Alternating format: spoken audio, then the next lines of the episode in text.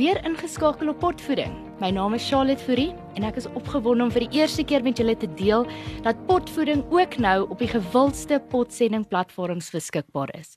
Soek ons op Google Podcast, iTunes, Spotify, YouTube en talle ander.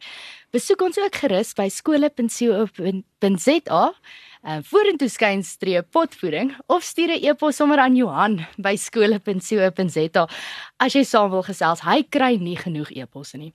So potvoeding is 'n reeks gesprek oor alles rakende die onder alles rakende die onderwys deur die Solidariteit Skoolondersteuningsentrum in samewerking met Marula Media. En tot nou het ons gesels oor die opvoedingsideaal die opvoedkundige verwoording van ons lewens en wêreldbeskouing, 'n breë raamwerk wat elke aspek binne ons onderrig en leer verklaar en in balans bring met ons volle menswees. In die ateljee gesels Johan Kokemoori, hoof van onderrig en leer by die SWS, vandag met Dr. Celia Boyse oor dinge rakende eksamenliggame en kurrikula waaroor talle ouers en rolspelers altyd hulle koppe krap. Nou Dr Celia is tans die bestuurder van programontwikkeling en gehalteversekering by Akademia. In hierdie rol verskaf sy leiding in programontwikkeling, doeltreffendheid in onderrig, leer en assesseringspraktyke, sowel as interne en eksterne gehalteversekering. Voorheen was sy ook 'n senior bestuurder by Umalusi en 'n dosent in kurrikulumstudies by Wits. Sy is 'n navorser, programontwikkelaar en data-ontleder en ons ken haar as 'n regte raakvatter. Baie welkom Johan en Dr Celia. Baie dankie Charlotte. Dankie dokter. En baie dankie van my dat ek saam met julle op die platform geselsie kan. Dis Wacht. dis dis 'n plesier, ja. Voor ons begin. Soos altyd het ons vir Andrei Badenhorst in die agtergrond. vergeet?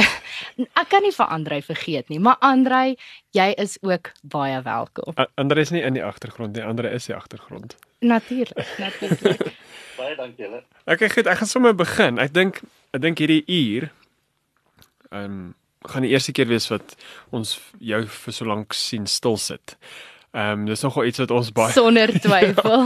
ons het nogal opgelet en en, en dis nogal eintlik besonder hoe akademie dit ook regkry om mense van dokter se kaliber aan te stel en en en op te spoor en op 'n manier net daar te versamel en en ek sien baie uit na die ontwikkeling wat gaan kom. So ek wil eintlik maar net eers die mense moet maar net 'n bietjie agtergrond prentjie het van wie dokter is, wat dokter doen en hoekom dokter dit doen en want ons ons het nou 'n mooi prentjie en, vir- en dit laat ons baie keer in in verwondering staan. So ek dink die mense moet ook daarom weet um, uh, met wie hulle gesels of wie hulle luister, hulle gesels nie. Well, my ervaring en en ehm um, my passie vir die onderwys strek eintlik oor meer as 35 jaar. Ja, ons is nog nie so oud nie. Ja. Ehm um, so het, ek het begin as 'n onderwyser ehm um, in die in die vroeë 80er jare. Ehm um, en t- dit het van daar af weer dit gestrek na ehm um, onderwysopleiding, na taalpraktisynswerk, na navorsingselemente. Ehm um, op 'n stadium was ek 'n registrateur van van 'n uh, onderwyskollege. Ehm um, en dit het verder gevoer na die regtig in diepte en my passie oor onderwysersopleiding. Hmm. Want dit is die onderwyser wat voor die klaskamer staan wat die verskil maak in 'n hmm. kind se lewe, in elke kind se lewe. As ek dink ehm um, my laaste ehm um, sarsie jare was ehm um, van 90 tot 93 ehm um, het ek by Hoërskool die Wilgers het ek nog skool gehou. Dit was 'n Okay. dit was 'n um, 'n aangename ervaring en ek het nog steeds ehm um, kontak met van my leerdlinge en en dit is net vir my ontsaglik belangrik om dit ook ehm um, dan nou hier in hart en in gees te hou. Maar ehm um, wat my ander deel aan betref, ehm um, is my spesialisering in kurrikulumstudies en assesserings ehm um, elemente, gehalte aspekte. En dan nou die geïntegreerdheid van onderrig, leer en assessering wat jy nooit geïsoleerd kan ehm um, kan bedink nie. En daarom is baie van my navorsing, ehm um, te referate wat ek hier en oorsee gelewer het en dis meer sy het juist daaroor gegaan.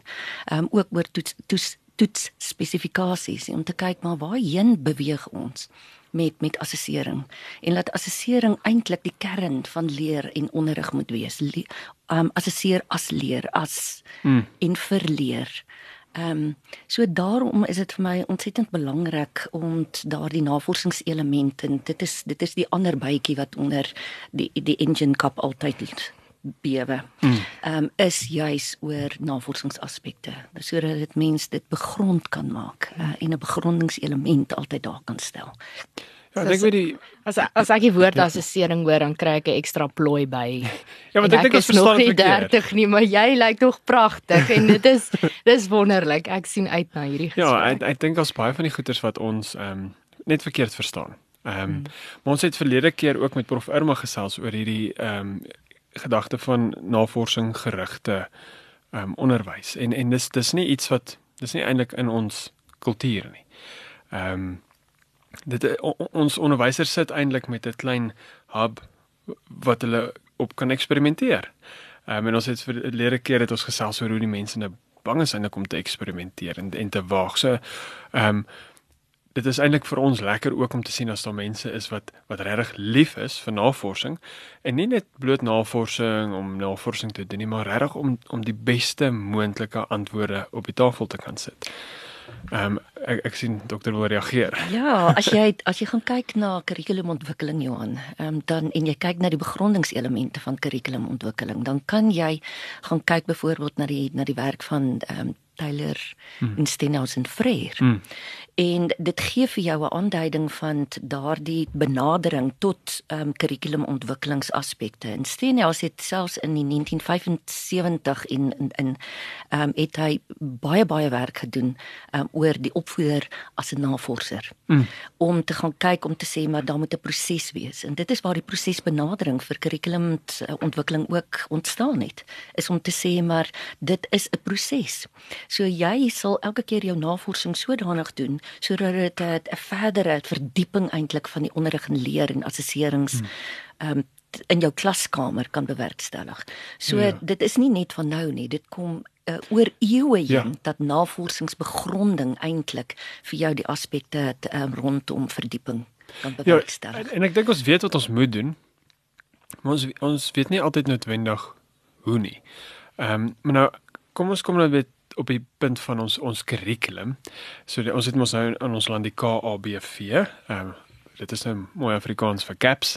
Ehm um, dit dit klink dit is so lekker as jy sê kabf nie. Ehm um, so ons sê maar almal caps. Ehm um, so die die die kurrikulum beleidsverklaring wat ons het as dokter vir 'n punt uit 10 uit moet gee. Ek weet ek het nou nie dit voor die tyd vir dokter gevra om te dink daaroor nie, maar wat wat is die punt uit 10 uit en hoekom? Kom ek Maar 10 um, is goed, sorry, ek moet net dit wys sê. 10 is goed, 0 is sleg.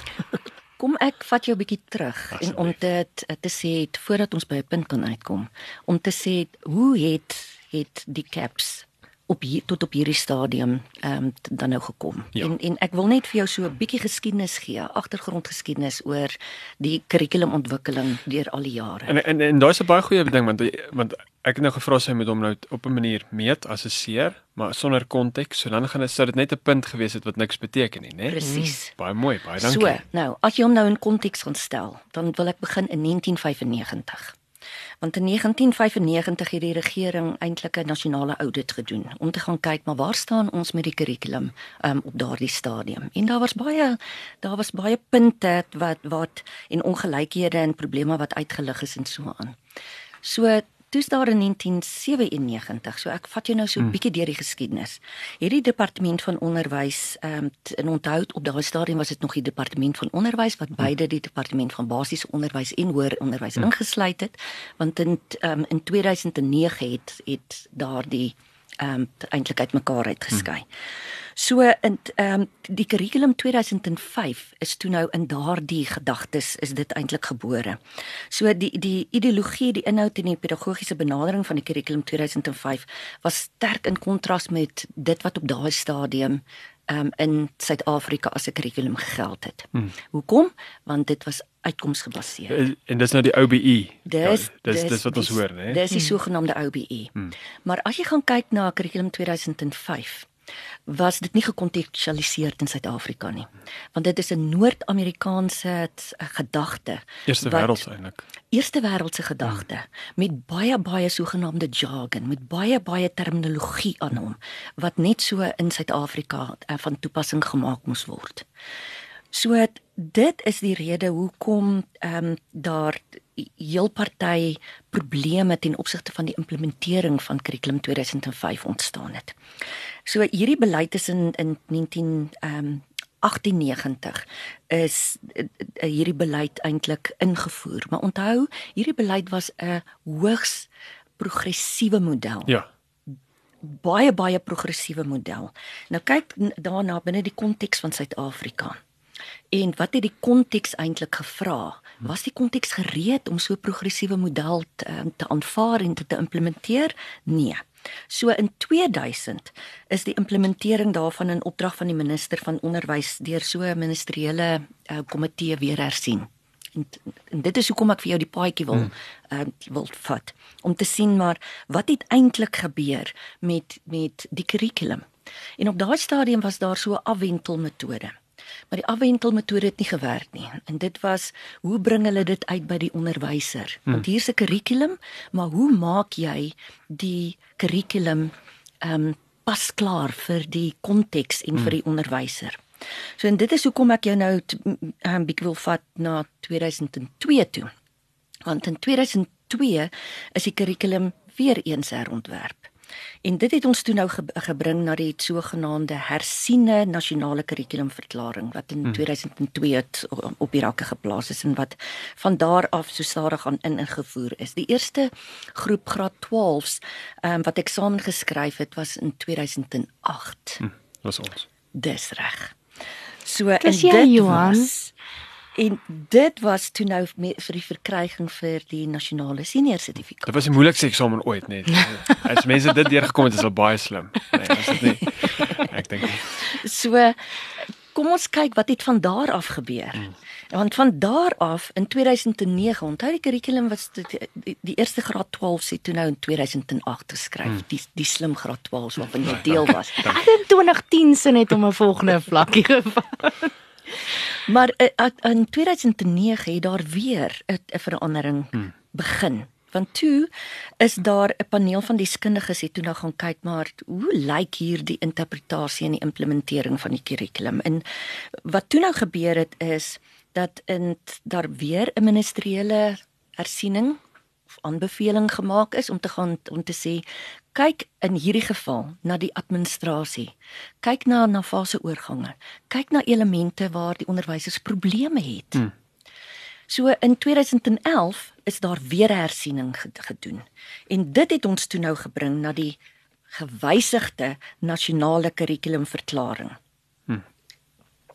Met die die sterkie daarmee saam um kurrikulum en assesseringsbeleidsverklaring wat mm. ons in die volksmond dan nou, nou verwys na as CAPS. Mm.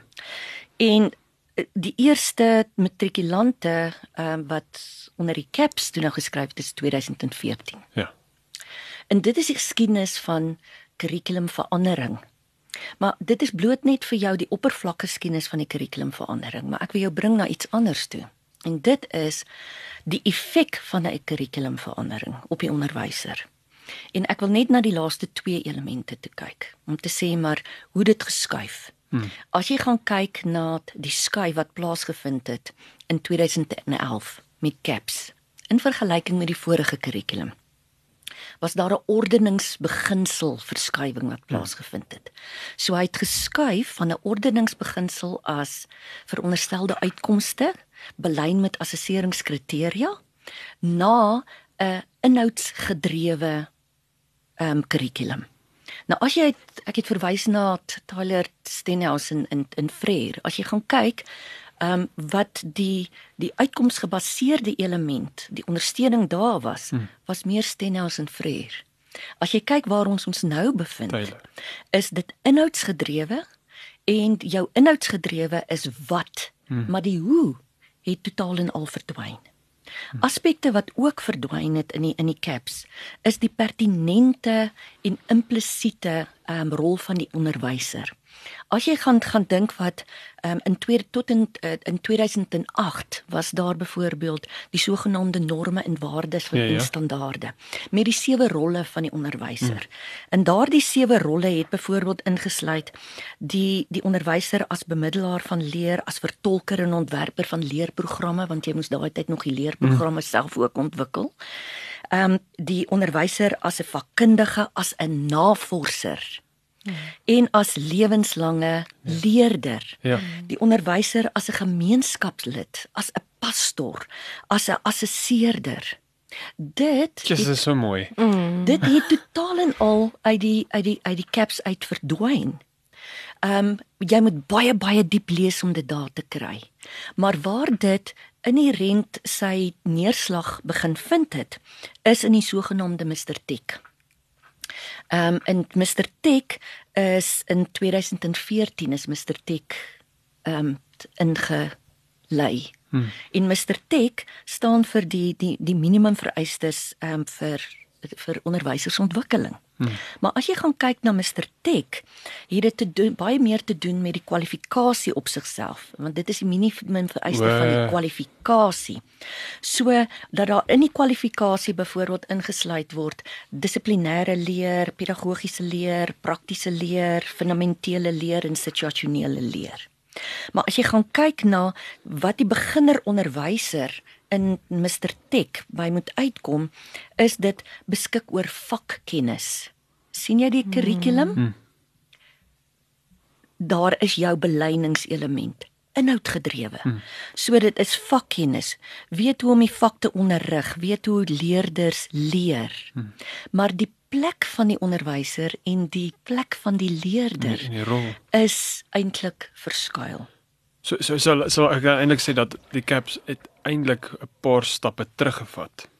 Ja, as ons gaan kyk, as ons gaan kyk en ek uh, wil hier verwys na 'n wonderlike boek um, wat eh, 'n uh, kollega geskryf het, um, Dr. Wayne Hugo.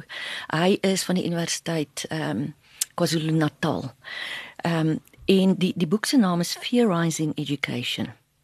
En daarin word daar pertinent ook weer gegee hoe dit 'n terugswaai hmm. na die die kurrikulum en ek kan eintlik praat van die um, papegaai e-, effek van die kurrikulum weer terugswaai daarna toe.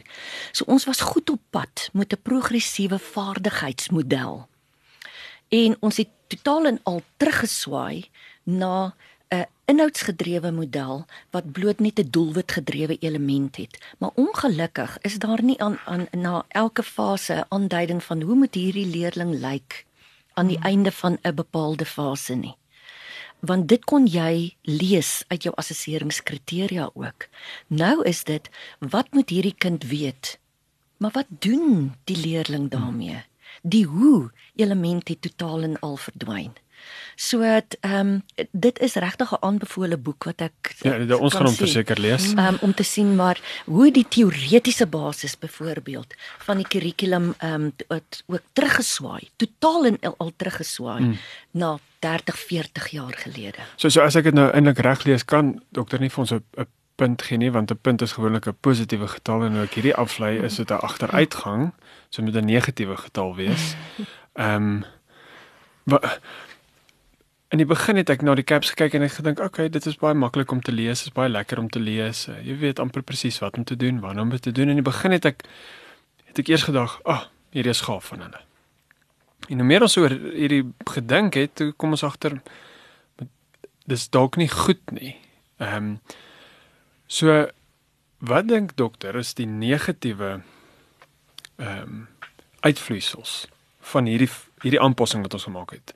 Ehm um, dit kan of wees wat ons nou sien of wat dokter antisipeer gaan ons gaan ons sien. Ehm um, ek het 'n paar gedagtes wat ek net net as 'n klankbord maar net hoor wat wat is die moontlike negatiewe neeweffekte van hierdie kurrikulum. Onthou 'n effek sien jy nie dadelik nie. Hmm. Jy sien dit oor tyd. En dit is die die kulminasie as jy gaan kyk byvoorbeeld uh, van 2012 toe uh, die die infasering van die van die caps. Ehm um, 2012, 2013, 2014 met die eerste eksamen daar. Ons staan nou al 7 jaar plus. Hmm. daarna. En gewoonlik binne begin 'n effek te toon van 3 na 5 jaar toe. En as ons gaan kyk na die effek op hierdie stadium, is dit dat die die onderwyser nie meer 'n navorser is nie, hm. nie meer 'n programontwikkelaar is nie. So die onderwyser gaan byvoorbeeld kyk, na afdeling 3 van die van die kurrikulum want afdeling 3 bevat die lesplanne. Ja ja, hulle weet Ja. net van op afdeling 1 Ja. en 2 nie. Skip Dis- net tot daarso. Ja. Dis reg. En wat ook 'n effek is, is dat daar nie meer 'n beleining gedoen word tussen die onderrigleer en die assesseringselement nie. Want nou is dit volg die lesplan in week nommer so en so en volg hierdie lesplan dan nou bloot sekwensieel. Die dieper dink oor onderrig en leer is bietjie vervlak. Ons het ook 'n baie baie baie breë um kurrikulum. En waarin word die die die aksie eintlik in die kurrikulum en die die die uh, motivering van van kurrikulum dekking gelê. So hoe, hoe gou kan jy die kurrikulum dek? Dit is nie hoe diep nie. Ja ja ja. En as mens gaan kyk na daardie dan maak dit 'n vervlakking. Ek noem dit 'n 'n myl wyd en 'n 'n sentimeter dikte mm. Kurrikulum toepassing want dit is bloot net vervlakkings. Ja, die kinders weet baie min van baie goed. Dis reg. Hmm. En en dit is dis wat wat wat die effek. 'n Ander effek is die rol van die onderwyser. Hoe sien die onderwyser hom of haarself? Daardie vaste autoriteit hmm. van ehm um, ek is 'n pedagoog. Hmm. En ek is 'n pedagoog met 'n bepaalde kennis, vaardigheid en um, binne in hierdie veld, maar ook 'n pedagoog wat weet ehm um, hoe die kind behoort te wees. Wat is die wat is die groei in die ontwikkelingsfases? Ehm um, watter tipe leer moet uh, moet plaasvind? Hoe kies ek byvoorbeeld my onderrigstrategie? Hoe leer ek my my um, kinders leer ken binne in die bepaalde konteks? En daardie aspek, die interaksie, die mediasie van uh, van kind en onderwyser. Ehm um, daardie aspek is ook vervlak want hoekom? Ons moet jaag om deur die kurrikulum te kom want daar's inhoud wat wat gedek moet word. Daar's inhoud wat wat ingeprent moet word. Daar's vraestelle wat geoefen moet word. Dis Wat wat wat wat, wat my kop bietjie de mekaar maak. Is kom ons vat medisy as 'n professionele beroep. Of of ons kan enige sommer ehm um, iemand eh, 'n uh, vlenier vat. En ehm um, en en dan kom daar 'n 'n liggaam bo hierdie professionele groep en hulle keer terug. Kom ons vat nou medisy. Nou sê hulle goed julle um, ons ons keer terug na die manier hoe ons operasies gedoen het in die 1970s van vandag af want ons wil gelykheid bevorder en nie al die hospitale dieselfde tegnologie nie. Nie al die hospitale het dieselfde kundigheid nie, nie al die hospitale het dieselfde dit, dieselfde dat. So om seker te maak almal het toegang tot dieselfde gehalte, moet ons almal terugkeer na 'n uh, tyd terug in die geskiedenis. So van nou af opereer julle net op die metodes wat ontwikkel was tot op 1972 en terugwaarts. Uh, ek kan nie dink daar gaan 'n professionele beroep wees wat wat gaan instem en sê, "Jessie, ja, ons elke pasiënt moet presies dieselfde behandel word. Elke pasiënt moet presies dieselfde geniet." ongeag of hulle verskillende sere het en ongeag of hulle verskillende kondisies het, almal moet maar nou sien ons in die ek ek ek weet net nie hoekom het ons onderwysers dit net gekoop en gesluk nie. Ehm wat is dit wat ons professionele liggaam dat daar nie 'n optog was of dat daar nie 'n vraagstuk was. Ek bedoel dis 'n professionele liggaam, so die onderwysers moes eintlik hoe ek dit nou sien is hulle moes gegaan het en gesê nee, ek het hier in die 70's gedoen of ek het hier in die 60's gedoen. Maar nog steeds het hulle dit net aanvaar. Ek ek sukkel om te verstaan hoekom het ons nie 'n 'n absolute weerstand daarteen. Wat wat wat maak dat ons dit so maklik net aanvaar het? Ek dink dit is 'n uh, dis 'n element van voldoening. Dat daar altyd binne die die die mense se aard is wat moet ek doen? Mm. Wat word van my vereis? En dit wat van die onderwyser vereis word, is dit wat in in beleide weergegee word, mm. wat in regulatoriese aspekte weergegee word. Ehm um, dit is die indiening van verslae en dis meer sy. Dit is die jaag van prestasie en nie die volrondheid mm. byvoorbeeld van van 'n um, 'n leerling nie. As ek gaan kyk byvoorbeeld wat wat elders in die in die wêreld gebeur en met um, baie van die kurrikulumstudies wat ek gedoen het, het ek bietjie gaan kyk ook na die die ordeningsbeginsels elemente en die effekte daarvan. En as jy gaan kyk wat in Singapore gebeur het, hulle het 'n totale um, kurrikulum verandering ook uh, um, bewerkstellig mm. deur die ordeningsbeginsel rondom waardes en norme um, weer te gee waar jy jou volle rondheid het. Jy kry dit ook in internasionale kwalifikasies ook wat op dieselfde vlak um, in basis hanteer word en bloot net verdieping verdieping verdieping mm. weergee. So dit is hoekom dit baie belangrik is om uh, daarna te kyk, maar jou vraag oor um, hoekom mense nie reageer nie. Partykeer ehm um, is dit ek weet nie hoe om te reageer nie. Hmm. Of dit is uh, daar is so baie wat van my verwag word dat ek nie nog die krag en die energie het hmm. om buite hierdie te te wil beweeg en om te sê maar um, ek wil dit eerder op hierdie basis doen nie. Hmm. Jare gelede is daar 'n baie goeie artikel geskryf um, oor juis oor al hierdie kurrikulumveranderinge wat 'n aanduiding gegee het van hoe mense voel oor kurrikulumverandering. En 'n persoon het, het, het dit aangedui as jy jy het kurrikulum fatigue. Jy raak kurrikulumverandering moeg. Mm. Want jy moet net byhou, byhou, byhou om by het, uh, die verandering by ja. aan te ry. Maar daardie persoon het toe nou aangedui om te sê, party van die uh, van die onderwysers ehm um, het bloot net gesê, ehm um, ek weet wat het vir my gewerk en ek gaan 'n aanpassing maak. Dit wat gewerk het en ek neem hierdie wat nou van my vereis word en ek vind die middeweg. Hmm. En dit is die die onderwysers wat werklik hulle plekkie gevind het en wat buite die swart ehm um, kartondoos begin dink het om hmm. te sê maar kom ons kyk wat ingevoeg kan word verrykend maar ehm um, dat ek my eie paadjie kan vind tot voordeel van onderrigleer en assessering. Hmm. Dan is daar die onder uh, die, die die die opvoeder wat gesê het nee, uh, ek sien nie kans weer vir hierdie verandering nie. Ek tree eerder uit. Hmm. En dit het op 'n stadium gebeur dat hmm. baie van die onder uh, van ons opvoeders uit die onderwys uit ehm um, gestap het. Die ander was uh, om te sê ehm um, ek gaan nie ehm um, hierby kan aanpas nie en wat regtig 'n baie baie moeilike taak gehad het om te sien maar waar vind ek my my ehm um, my plekkie. Hmm. En dan nou die sogenaamde adapters soos wat hy dit hmm. genoem het. Die persone wat gesê het ek pas aan. Ehm um, kom wat wil, ek sal aanpas. En daardie het baie keer 'n voor, voordeel gehad maar ook 'n nadeel. Hmm. En die nadeel was dat die uh, dat die opvoeder so onder die massa administrasie onder die regulatoriese elemente eintlik bietjie van hulle self verloor het. Ja. Vlammetjie is is, is bietjie geblus. En die autoriteit mm. het getaan. Mm. En dit is waar daar baie van die skuwe plaasgevind. sien en en die oomblik wat die daai autoriteit en eienaarskap ehm um, want dit het nie oornag van van 1 na 0 toe gegaan nie. Nee. Dit het oor tyd van 1 na 0 toe gegaan waar onderwysers besef nie nou dat die kurrikulum interpretasie en implementering is hulle verantwoordelikheid. Uh, dis dis deel van hulle verantwoordelikheid. Dis nie iemand anders se verantwoordelikheid en hulle is bloot maar net die medium waardeur iemand anders die kurrikulum interpreteer.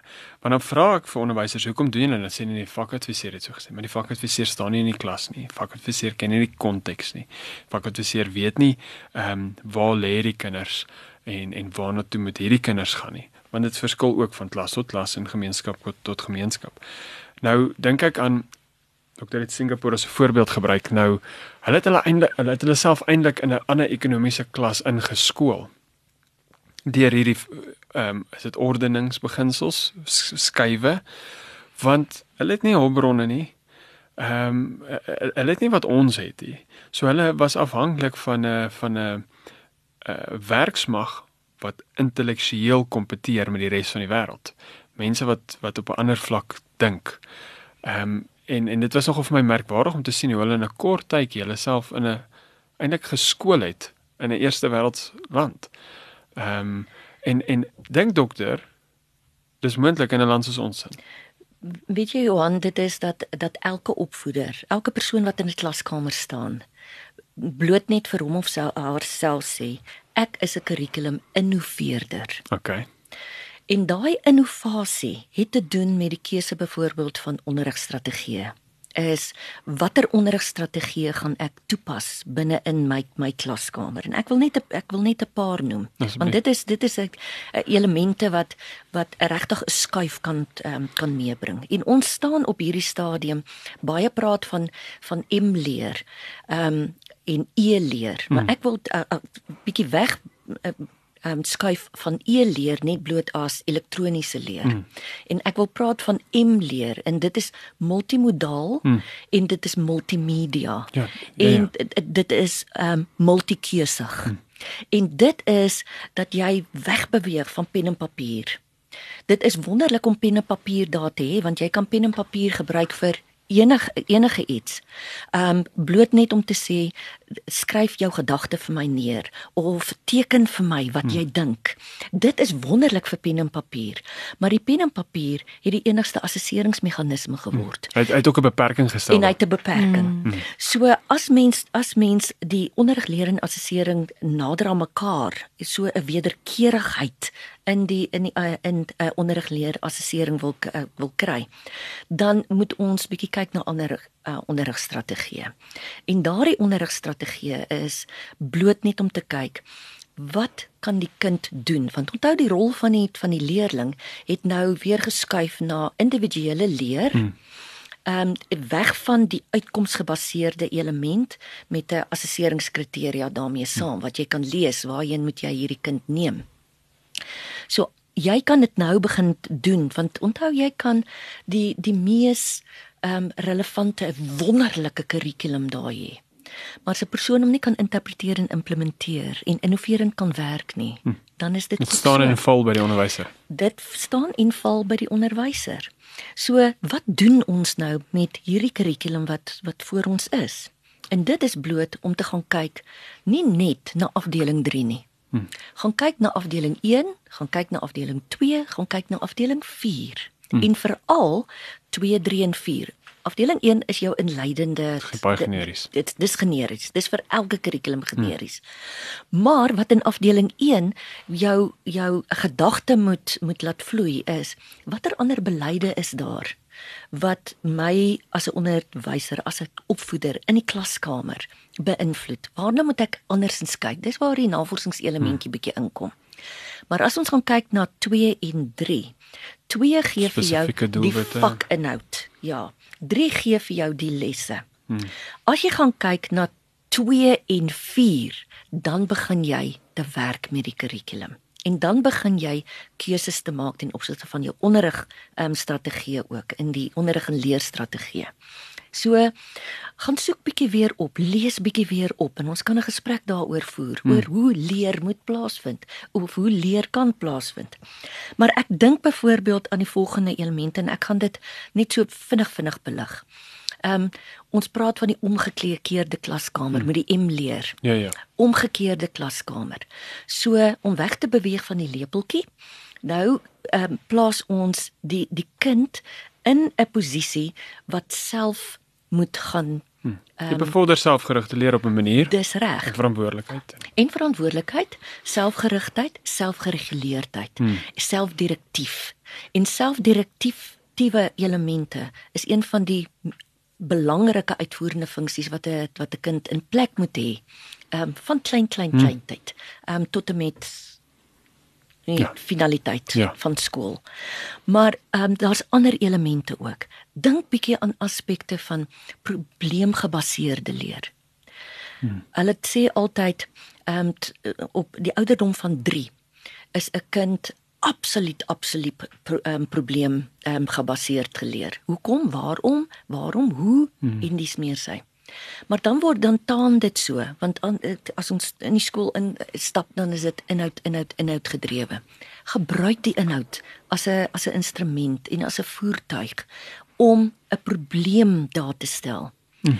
Stel die probleem sodanig dat hulle die op, oplossing moet gaan soek en dan die oplossing moet kom weergee binne in die klaskamer. Hmm. Wat skep dit weer? Dit skep vir jou 'n demonstratiewe element binne in die klaskamer, 'n besprekingsaspek binne in die klaskamer. Dis gesamentlik met dit wat jy sien as probleemgebaseerde leer, Ja, ja. maar ook projekgebaseerde leer, want jou probleem plaas jy binne in 'n projekkie. En daardie projek sal dan 'n proses behels. En wat is van ontsaglike ehm um, belang? Prosesdenke. Hmm. Dat 'n uh, dat 'n leerling kan sê maar waar is die begin? Wat is die volgende? Wat is die einde? En in hierdie proses, dis nie 'n lineêre proses nie. Dis 'n dis 'n sikliese ehm um, proses om te sê, maar o, hierdie ene gaan nie werk nie. Goed, kom ons kyk die kom ons dink weer. Hmm. Kom ons kyk weer. Kom ons ehm um, begin weer by 'n punt om by daardie uit te kom. Ehm um, vir die onderwyser wat vir my belangrik is is ook om uh, om van steierwerk gebruik te ja. maak. In steierwerk, as ons dink byvoorbeeld aan wanneer geboue gebou word, is is die steierwerk vir ons die die basis om te sê van hoe beweeg hulle en om dit makliker te maak. Nou wat kan ons bietjie bedink ten opsigte van steierwerk? En dit is breek die taak af vir die kind in kleiner eenhede gee baie baie prominente ehm um, kriteria waaraan gemeet gaan word. Maar gebruik daai kriteria nie as die lat nie, hmm. gebruik daai kriteria as onderrig en leer om te sê wat verstaan jy? Te maak waar nodig. Maar da, maar daai is belangrik want mense sien assessering as 'n lat, as 'n as 'n ding is amper 'n straf omdat jy nou nie dit reg gekry het nie, maar dit is eintlik ehm um, in die groot mens lewe is 'n assessering manier om jouself te herrig daar waar jy verkeerd was en jy moet dankbaar wees van iemand jou ehm um, Ek ek doen gisterand 'n kursus, 'n aanlyn kursus wat gaan oor ag, dit is nou nie belangrik nie, maar nou nou kry jy 'n sertifikaat aan die einde van die kursus, maar met elke hoofstuk moet jy 'n toets skryf. En dit was net 5 na 10 punte, maar as jy die antwoord verkeerd het, dan kan jy weer probeer. En net totdat jy die antwoord reg het, dan verduidelik hulle vir jou hoekom is dit reg. En ek is soos, "Ag, jene maar ek, ek gaan nou 'n sertifikaat hiervoor kry en ek kon al die al die antwoorde verkeerd gehad het. Hmm. Ehm um, en ek gaan nog steeds my sertifikaat kry. Maar wat ek geleer het hmm. met elke antwoord, ek meen die punt beteken niks. Ek hy wys ek het 100% vir al die vir al die toetsies gekry. Dit maak nie saak nie. Dit wat ek geleer, ek het geleer daai en daarom het ek die sertifikaat verdien. Ek het nog gesit en ek sê maar hoeveel te meer kon ek geleer het op skool as ek ehm um, sulke assesseringkies moes gedoen het. En dis die steierwerk waarvan ja. ons praat, maar dis ook 'n vangnet. Hm? Want Absoluut. jy weet daar is vir jou daar is vir jou 'n uh, 'n ewe knie maat hier langs hm. jou. En partykeer leer die ewe knie baie beter saam as wat die hm. onderwyser kon um, kon weergegee het, want hulle verstaan mekaar hm. byvoorbeeld. Maar die die onderwyser gee leiding in die taak luister, kyk waar hulle is, op watter vlak hulle is. En en dan natuurlik, ehm um, is daar ietsie wat wat nog 'n ekstra steier ehm um, gestel moet word. Waar is ons in hierdie gebou? Is daar gate in die gebou wat ons net gou-gou weer hmm. aan moet, moet aandag hmm. gee? Maar dit bring my na 'n ander element wat daarmee wat saam met die steierwerk weer is. Terwyl jy die steierwerk in in in orde sit, is daar die moontlikheid van ontdekkingsleer. Ja. En dat 'n kind deur hierdie proses kan ontdek. En jy ontdek wat jy verstaan, jy ontdek wat jy nie verstaan nie en jy het dan daardie daardie openheid met die met die onderwyser as jy 'n steierwerk langs jou het mm. om wel by daardie punt uit te kom om te sê maar ja ja ek sien tipies daai ehm um, Bruner se uh, proses deel van hierdie steierwerk dat jy steier ook van konkreet na abstrakt. Verstaan jy jy, jy waar baie keer dan sien ek onderwysers dan begin hulle in graad 4 nou met 'n ehm, met 'n breek man in die abstrakte en dan vra mense hoekom en sê hulle nee dit is makliker vir die kinders om te onthou. So daai daai ehm um, weer eens daai kennis van wat is leer ontbreek want in hierdie konteks sien hulle leer as die vermoë om iets te onthou waar waar waar leer is groter as dit. As leer net onthou was, dan ehm um, dan was dit redelik eenvoudig om deur die lewe te kom. Jy moet net goed kan memoriseer. En en en ons sien die caps het daai het eintlik mense na drukgang dat jou vermoë om te onthou is baie belangriker as jou vermoë om te skep. Want jy kan op baie bloemse taksonomie al jou tyd daaronder spandeer op op kennis en, en verstaan. Ehm um, en 65 tot 70% uitskryf vir die eksamen en en redelik as 'n gemiddelde persoon uitstap, hmm. maar jy het eintlik die inhoud nog nie bemeester nie. Jy kan die inhoud oproep. Maar sit sit jou in 'n probleemsituasie. En ek dink is prof Gerrit Stols wat eendag ook gesê het dat met die hele Tims verslae en so voorts het hulle gesien dat ons land is ongelooflik goed veral in wiskunde met ehm um, rotine prosedures. Ons is briljant. En nou sê ek vir die onderwysers, al wat die kind doen is hy mimiek wat jy doen. En en en wil jy 'n klomp uh, marionette hê? Is dit die regte woord? Wat noem jy dit klomp? Ja, die nee. poppe op die toutjies. Ja, is is dit is dit is dit jou doel as 'n onderwyser om klomp kinders te hê wat presies soos jy is, presies soos jy dink, presies soos jy doen? Of en as ons nou ons Christelike lewenswêreld beskou en kyk, aanvaar jy dat daai kind is uniek met 'n spesifieke roeping, met spesifieke talente. En wil jy daai kind die geleentheid gee om tot sy of haar volle reg te kom? En dan vir dit kan jy nie net bloot die kurrikulum lineêr volg nie. Jy moet 'n innoveerder wees. So want ek het nou probeer dink is dit moontlik in ons land om om te kom waar Singapore was? Dalk dalk nie op 'n groot skaal nie maar op op 'n klein skaal kan ons begin. Ons skole kan op 'n klein skaal begin innoveerders wees en dit sal oorspoel na die ander toe maar dit beteken nie omdat die caps dalk lineêr is en vlak is ensovoorts dat jy hoef lineêr te dink en vlak te dink nie. En nou sien ons as ons met onderwysers werk hoe van hulle begin innoverend raak en hulle sê okay, ek weet wat se inhoud wat ek moet afdek. Ehm um, nie so groot gepla daaroor nie. Ons wil hierdie vaardighede ontwikkel. Cool. Wat se inhoud kan ons gebruik om by hierdie vaardighede uit te kom en dan dis soos 'n 'n legkaart en dan plak hulle vat bietjie hier, vat bietjie daar. So hulle is eintlik eintlik eintlik rebelle, nê? Hulle is hulle is eintlik rebelle. En maar hulle self geniet ook wat hulle doen. Maar nou sien jy daai vuurtjie weer opkom want hierdie mense kry 'n tipe van 'n ehm um, sit maar endorfien want jy is besig om iets te doen waarvoor jy geroep is. En jy is nie net bloot besig om iets te volg nie. Jy kry weer daai ehm um, daai gevoel van ek is 'n professionele ja, jou vlammetjie is aan die gang. Ja. Ek wil, ek wil net voordat ek die grappie vergeet, jy sê so van die TIMS verslag en die roetine prosedures.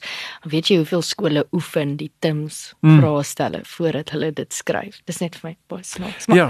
ek ek wil net iets vra. Dis nou 'n bietjie van die baie lekker gesprek se noot af, maar ek weet hier sit nou ouers of dalk ander luisteraars wat nie noodwendig onderwysers is nie en hulle sê okay nee maar dankie tog.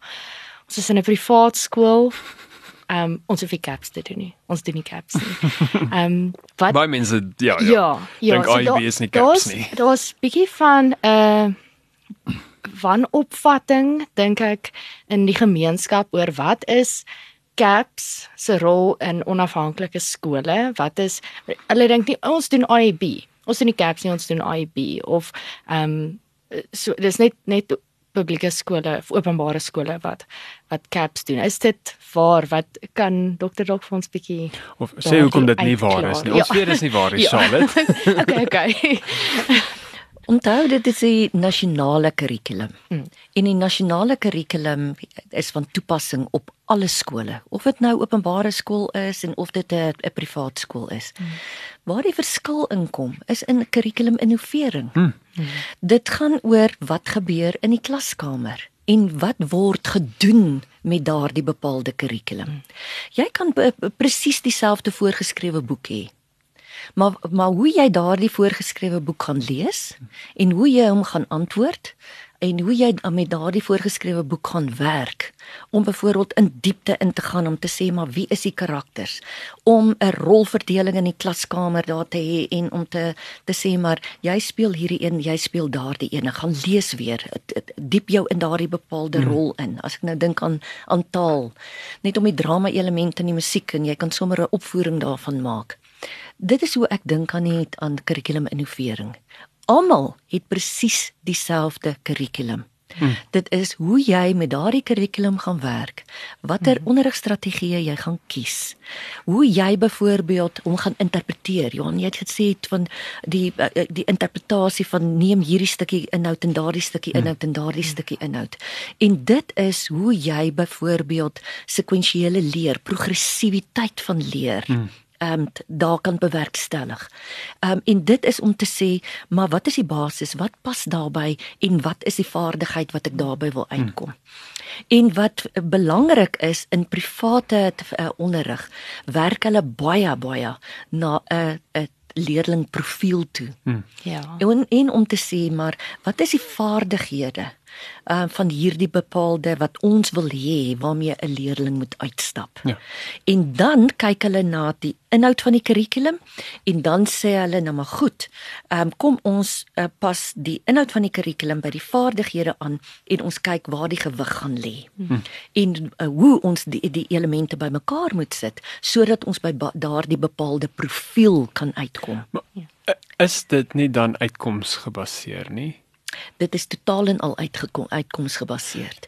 En onthou die die die kernelement en dit is waar die misinterpretasie was om te sê ehm um, uit uit OB OB Is dit groepwerk? En ja, OB is net groepwerk. Ehm Is en- onthou as jy gaan kyk na na uitkomsgebaseerd. Uitkomsgebaseerd is 'n benadering. Mm.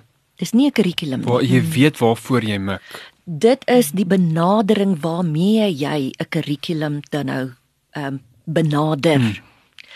Maar as die ordeningsbeginsel alreeds daar is, maak dit net vir jou makliker. Hmm. Want dan is daar byvoorbeeld ehm um, veronderstelde uitkomste. Daar is 'n veronderstelde vaardigheidsprofiel waarheen jy werk. Hmm. Maar as jy nie daardie vaardigheidsprofiel het nie, moet jy hom nou vir jouself begin skep om te sê wat word verwag van 'n graad 3 leerling om in na graad 4 te beweeg, 'n graad 6 leerling om na graad 7 te beweeg hmm. en so voort. En en dit is ehm um, dit is uitkomsgebaseerd want dit is bloot net 'n vaardigheidsmodel. Dit is 'n perspektief. Dis die hmm. oë waarna toe hoe jy kyk na die na die kurrikulum. So so eintlik ouers of ehm um, rolspelers wat nie die effek of die negatiewe effek van caps voel by hulle kinders of by hulle skole nie. Ehm um, dit is te danke aan innoverende onderwysers mm. wat daardie kurrikulum gevat het en dit ehm um, Lewe gegee het. en dit lewe gegee het. Mm. En as jy dan nou 'n luisteraar is en so voel, dan moet jy vir daai onderwysers baie dankie gaan Ja, sê. en en en en, en dit gee mens ook hoop. Ja. Want Want want daar is baie mense wat so voel. Daar's baie mense wat sê, "O, ons die die KBV se negatiewe impak dit kom nie by ons uit nie. Dit raak ons nie." Dis te danke aan onderwysers wat net regop staan en hard werk. en en wat hulle hulle roeping baie ernstig opvat Ja. en ehm um, dit hulle kernbesigheid. Dis nie net 'n werk nie. Dis dis hulle kernbesigheid en dan dan kan jy, maar ek dink dit is moeilik as jy dit as 'n individu wil doen, nê. Nee. Mm. Want die die druk is net te veel vir 'n individu Ja. ja. om te dra. En uh, as jy net bietjie fisika ken, dan weet jy as jy drukpoel ver, verminder, moet jy area vergroot, mm. nê. Nee. En hoe vergroot jy area? As jy verbind jouself met ander mede-professionele persone, Ja. dan is dit vinnig vinnig om weerstand te bied. Ek dink aan die een skool by wie ons 'n projek doen wat die drie onderwysers saam is nou kurrikulum innoveerders. Ons noem hulle meesteronderwysers en dis een van die kriteria. Ehm um, so ons noem hulle meesteronderwysers en ek nou dag toe sien ek hulle voetskrif op hulle e-pos staan daar die naam dubbelpunt meesteronderwyser. Wonderlik. Nee. En maar maar nou kom die ouers en dan begin kom hy vuurige pile en hulle weer dit af want hulle staan saam. En nou elke besluit wat hulle maak, kan hulle opvoedkundig verdedig. Absoluut. Verstaan nou, waar nou as jy nie innoveer nie en 'n ouer kom en sê hoekom doen jy dit so? Dan sê ons want ons moet. Hmm. Want die staat sê so. Want my vakadviseur. Dis alles buite jou. So jy het nie eienaarskap gevat van van jou nie. So ek ek wil afsluit met 'n vraag want ehm um, ek ken 'n hele klompie onderwysers wat dit sê wanneer ons hulle vra hoekom doen jy dit? Dan sê hulle nee, want ons moet. Ehm um, 'n vakadviseur, hulle het 'n kwai vakadviseur wat wat baie rigied almal mikrobestuur en sê wat jy moet doen, wanneer jy moet doen. En my raad aan daai onderwysers altyd is doen wat jy kan verdedig op wat jy opvoedkundig kan verdedig. Hmm. Al verskil jy met die vak, jy mag verskil, jy's 'n professionele persoon. Hierdie eh, dis nie 'n demokrasie waar omdat ons almal nou uh, saamstem of omdat die meerderheid dit, dit nou doen, nou moet almal dit dit jy's 'n professionele persoon. Hmm. Neem daai verantwoordelikheid en verdedig jou besluite. Hmm. Al is jy partykeer aan die ander kant, uh aan die aan die aan die vakadviseur se nie gunsteling kant. Ja, vat daai verslag wat wys jy's rooi en bær hom in jou laai met trots. Ja. ja, ek, ek weet nie wat ek weet nie wat mense vir hulle anders kan sê nie. Weet jy, want in my hart kan hulle nie, hulle kan nie wat is complacent in Afrikaans. Hulle kan nie. Ek wil terugkom na die na die aspek wat ons vroeër na verwys het. En dit is keer terug na ehm um, die die opvoeder as 'n 'n navorser. Hmm. Want as jy iets kan begrond en jy kan die feite op die tafel sit, jy jy jou beste beste wapen is jou feite op die tafel. Hmm. En ek stel dit nou as 'n as 'n kom ons sê eerder is jou instrument. Hmm. Dit is jou dit is wat jy in jou hand het. Dit is jou wapenrusting. Jou skild, nee, Dit is jou skild. Ja, ja. En dit is jou helm van verlossing. Ja, absoluut. Ehm um, dit is wat jy op die tafel sit. Hmm. En dit is as jy dit kan begrond, as jy kan bewysvoerend optree, hmm. dan dan het jy daardie autoriteit hmm. om te sê maar ek stem nie saam hiermee nie want en jy sit jou feite op die tafel aangesien en jy sit jou feite op die tafel. En jy's oop vir vir verkeerd bewys. Iemand mag my verkeerd bewys. Met verseker. feite op die tafel. en dit is waar dis waar die ander element waarna jy verwys het en dit is samewerking. Daar is so 'n wonderlike um, element wat wat jy sal sien um, in besigheidsadministrasie en dis meer sy wat pertinent uitkom. En dit is gesamentlike dink. Dit word genoem collective and collaborative sense making mm. so jy eh, jy werk saam om saam sin te maak en daardie sin maak bring jou tot by die punt om te sê maar dit sal werk en hierdie is die rigting waarheen Maar, in ons maar om moet dit reg te kry, moet ons saam ook aan die uitkomste deel. absoluut As as jy vir 'n groep vir elkeen sy eie uitkoms gee wat hy moet bereik en jy meet hom net op daai uitkoms. Jy's ek meet jou op graad 4, ek meet jou op graad die graad 5 se uitslag, meet jou op die graad dan is daar nie eintlik 'n motivering vir saamwerk nie. Want ek ek word net op my uitsette gemeet. Ehm um, maar as jy ehm, 'n um, 'n gemeenskaplike doel wat is 'n fase het en jy sê hier's die leerder profiel wat ons wil aflewer aan die einde van die fase. Hoe gaan ons dit regkry? Dan ma maak jy die spel heeltemal anders. Die spelreëls verander teenoor wat jy sê uh, ek soek 'n graad gemiddeld van 70 in graad 4, ek soek 'n graad gemiddeld van dit in graad 5. Dan verarm jy die hele die hele stelsel. ja jy beweeg weg van die hele idee van t- meet 'n vis aan hoe goed hy kan boom klim Ja ja. Ehm um, dit is werklik om te te gaan kyk na wat is die profiel en daardie profiel te lei na dit wat op hierdie stadium hmm. as mens gaan kyk na die navorsing wat gedoen is deur die Wêreldbank, deur die Wêreld die forum, deur ehm um, die Instituut Phoenix Instituut byvoorbeeld in in Amerika en hier en elders. En dit is wat word eintlik van 'n leerling? Wat is die profiel van 'n persoon om in die werkplek in te stap? En dit uh, nie in die eerste 10 gaan jy 'n prominente element hê om net te sê hy moet net vakkundig Ja, wees. jy nie. moet inhoud hê. Hy moet innoverend kan dink, hy hmm. moet kreatief kan dink, hy moet samewerkend kan dink, hy moet 'n data bestuurder en analis wees hmm. want ook die Google kan vir ons baie baie data gee, maar wat maak jy daarmee? Hmm. En as jy daarna gaan kyk, dan is dit kyk na die eerste 5 byvoorbeeld daar. En dan gaan gaan dit oor vol rondheid, dit gaan oor denke, hmm. dit gaan oor ehm, 'n um, selfgerigtheid ten opsigte van waarheen is jy op pad. Sjoe, Ek wil hande klap, maar ek's bang die mikrofoon doen een of ander snaakse geluid en dit klink snaaks, maar dit is nou baie hartseer dat ons hierdie episode moet eindig. Dit was werklik 'n baie lekker gesprek. Ek dink ons het by 2 van die beplande 8 punte uitgekom. So ons gaan beslis 'n opvolg of 3 moet reël. Ehm Sorry. Ah, Ek wil regtig vir julle baie dankie sê. Baie dankie dokter Celia. Dit was werklik besonder en um, vir ons luisteraars as julle enige verdere vrae of versoeke het asseblief Johan@skole.co.za.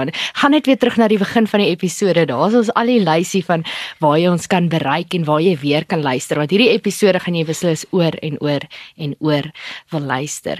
En jy het nou-nou so net so 'n paar sekondes terug geraak aan die woordjie saam. En hmm. dit is waarmee ons altyd afsluit. Dink saam, praat saam en belangrik, doen saam, want saam kan ons 'n blink toekoms vir Christelike Afrikaanse onderwys in Suid-Afrika verseker. Tot volgende keer.